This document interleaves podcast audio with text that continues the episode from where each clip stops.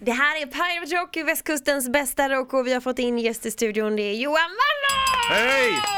Hej! Som gjorde ett fantastiskt sommargästspel Ja, dra hos oss i baklänges. sommar. Tack, vad Vilken roligt. grej! Det var väl typ lite, inte oskulden på radiogrejen, du har ju varit med i radio innan men hur kändes det att göra ett eget program på det sättet som du faktiskt fick göra? Åh, det var, jag har längtat efter detta sen, sen slutet på 80-talet då jag sände, då jag satt under den röda missionskyrkan på Hönö och, och sände närradio på Öckerö. Så att det- jag har längtat ända sedan dess på att få göra detta igen. På något sätt kan han få det att låta romantiskt, det här, med- den här studion. Jag såg såhär, studio Vad heter klädd i brunt.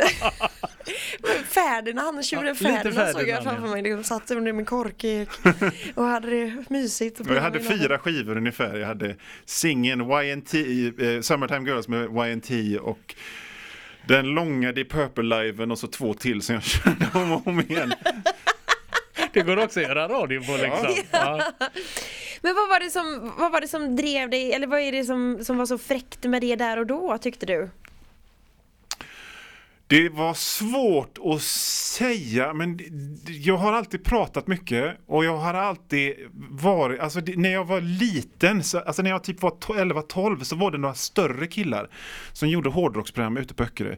Och man blev ju liksom, de var, och man kunde se dem ut, cykla runt, för de, de var ju i själva verket arbetslösa halvalkoholister. som hade på något sätt eh, lönebidragat sig in. Ja, så de ja, kunde göra de här grejerna. Men man kunde se det, och det var liksom det närmsta kändisar man hade på Öckerö. Så att, så, och så att man tänkte så här, tänk, och, eh, tänk om man kunde bli som dem. Och Tänk så, om man blir halvalkoholiserad och gå på bidrag och så sända radio. Det är win-win.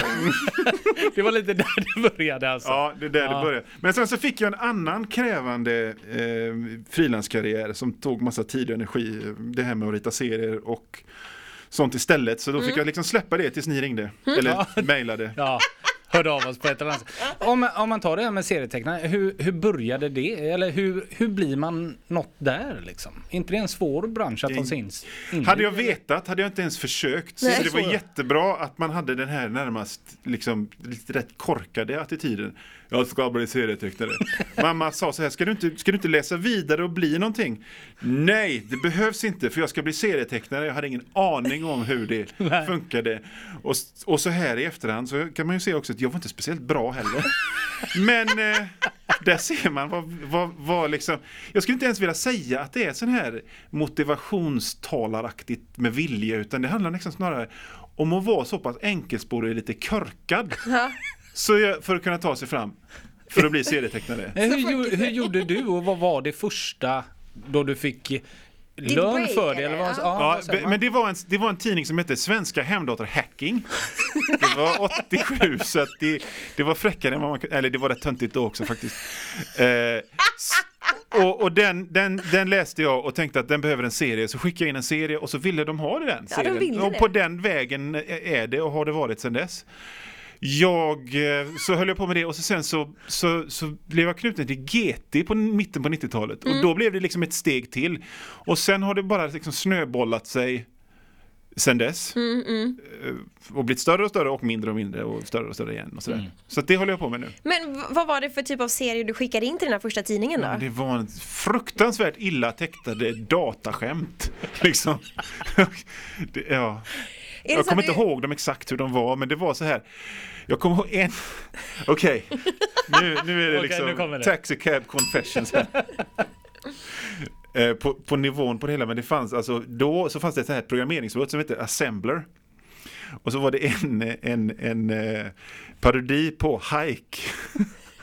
Och så var det liksom, nu ska vi prata om semlor, men inte vilka semlor som helst utan assemblor. Den typen av skämt. Och det roliga är att de, det köpte de. Ja, Han får teckna för oss. Skitbra. Ja, men det har ju jag, det var jättebra.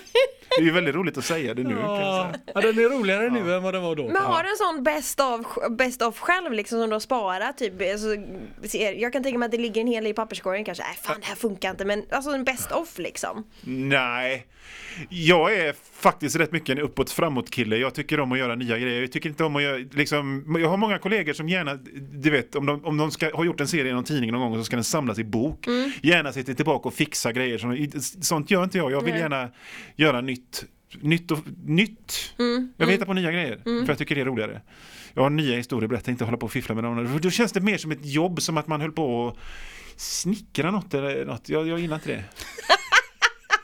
Men hur, hur är det i eh, den här branschen idag liksom? Hur, säljs det mycket serier eller har den gått Alltså, samma som ju- musiken nästan? Alltså, Så att säga. ja, inte riktigt för att, för att eh, me, media är idag inte en lika bra eh, liksom affär som det en gång har varit. Men det betyder att alla de här reptilögda med pengar, de här giriga liksom Gordon Gecko-typerna, de är liksom borta för att det finns liksom ingen, det finns ingenting att hämta i media längre. Så, där, så, de, så de som är kvar på redaktionerna är ju folk som älskar det, Ja. liksom, tidningar, media och berätta historier. Så att på, på ett sätt så var, så, så, så, så var det liksom lättare att tjäna pengar för. Men på något annat sätt så är det faktiskt lättare att få in sina idéer idag. För det är, inga, det är liksom inga gatekeepers som står i vägen bara för att stå i vägen för att slentrianhärska. Liksom. Utan det är mer en upp, upp, att de är öppna för ens idéer. Sen kan det också ha att göra med att jag inte är 25 längre utan 45 och att man liksom har lite mer pondus, jag vet inte. Men jag, jag tror att det är en kombination av det. Mm, mm. För jag menar, nu känns det också, man, man hör hela tiden att eh, pappersstyrningen den är på väg att dö. Vad händer med serierna då? liksom? Ja, det kan man ju undra. Det, ja, det. Jag tänker på samma sätt med det som med klimatet, att det ger sig. Jag, vi, Åh, vad lätt man kan se på det. Ja, det gillar jag. Ja. Det gillar jag. Som inte vet vad, vad för typ av serie du tecknar kan vi ju namedroppa också. så ja, vi kan namedroppa. Jag gör skämtteckningar i GP varje onsdag. Jag eh, ritar en serie som heter Embrett i skogen i, sed, i tidningen 91. Jag ritar, eh, min huvudserie just nu heter Rock Manly Fist, Mästare på rymdkarate. Den går i tidningen Herman Hedning. Eh, och sen så gör jag lite barnböcker och, eh, och lite sånt också. Men det kan ni titta efter. Men- Men det här rymdkarate, är, det, det måste vara ett påhittat ord. Det, fin, det finns ingen rymdkarate. Är det lite dit du drar alltid att du, du blandar två grejer som egentligen inte, eller som finns, men gör det till en grej? Alltså det är Förstår så du? här att, att eh, eh, han kan den här rymdkaraten för att han blev lärd den av en rymdvarelse i en kraschad UFO. Och det är liksom en, den karaten är mycket tuffare och liksom, det är, det är, en, det är liksom som the force nästan Ja. i Stjärnornas krig. Den är liksom, det går inte att beskriva vad man kan göra med, med rymdkarate. Eh, och så är det också en plot device för rymdkarate gör han måste ropa ordet rymdkarate när han utför rymdkaraten. Ja, okej. Så, så till exempel om han, han skulle få någonting i munnen så gå, då kan han inte slåss. För då kan han inte säga rymdkarate. Nej. Sen så har den en annan bieffekt också. Det är att han måste ha sex en gång var 24 timme annars sprängs hans huvud. Oj! Är det hans kryptonit liksom? Det är hans grej. Och så då har han ett liggalarm i klockan som alltid ringer en, liksom 30 sekunder innan. Och nej, jag måste ha... s-" Så liksom... Så, han har faktiskt haft sex med mer typ grejer och, och världsdelar. Och, och typ hela Island. Och, och sånt än med människor i serien. Men, men sådär, ja. Ja, nej men... Nej, men alltså, var kommer allt det här ifrån? När du kommer på den här karaktären, brainstormar du då och liksom, okej här är han, han ska kunna alla de här alltså, grejerna. Alltså, alltså grejen är att det är väldigt mekaniskt att komma på grejer. Man kommer på grejer, punkt. Det är mitt jobb att komma på Men just denna kan jag säga, det här att jag jobbade med kort tag med animation i Trollhättan. Och då åkte jag, jag pendeltåg, åkte pendeltåg varje dag från Göteborg in till Trollhättan och jag är jävligt åksjuk. Så jag satt liksom i huvudet mot, mot fönstret och kippade efter andan. Och jag kom på hela jävla det konceptet under den veckan jag jobbade i Trollhättan. Och en helt annan bok, för att jag hade inget annat att göra än att tänka på hur illa jag mådde. Och, och liksom för att komma undan det så fick jag spåna ihop idéer. Så att hela rymdkarate och Rock konceptet bara rann färdigt ner som så Tetris När man har flow i Tetris. och det, men det händer inte så ofta annars kan jag säga. Men där gjorde det och jag har, så att jag, den serien har jag ritat sedan 2010. Ja. Men du, du känner ändå att du mår bra och så? Eller? Det, det vill Jajamän. man ju ändå kolla med det. Så. Det- Allt är bra. Allt är Ja, det är bra. Ja, det är fantastiskt. Jag måste ju skaffa mig en sån här klocka! Liggklocka? Ja. Får du ta Island någon gång där och sådär. Det som finns. Liksom. Gräva en liten grop med en pinne som man gjorde i serien och sen bara.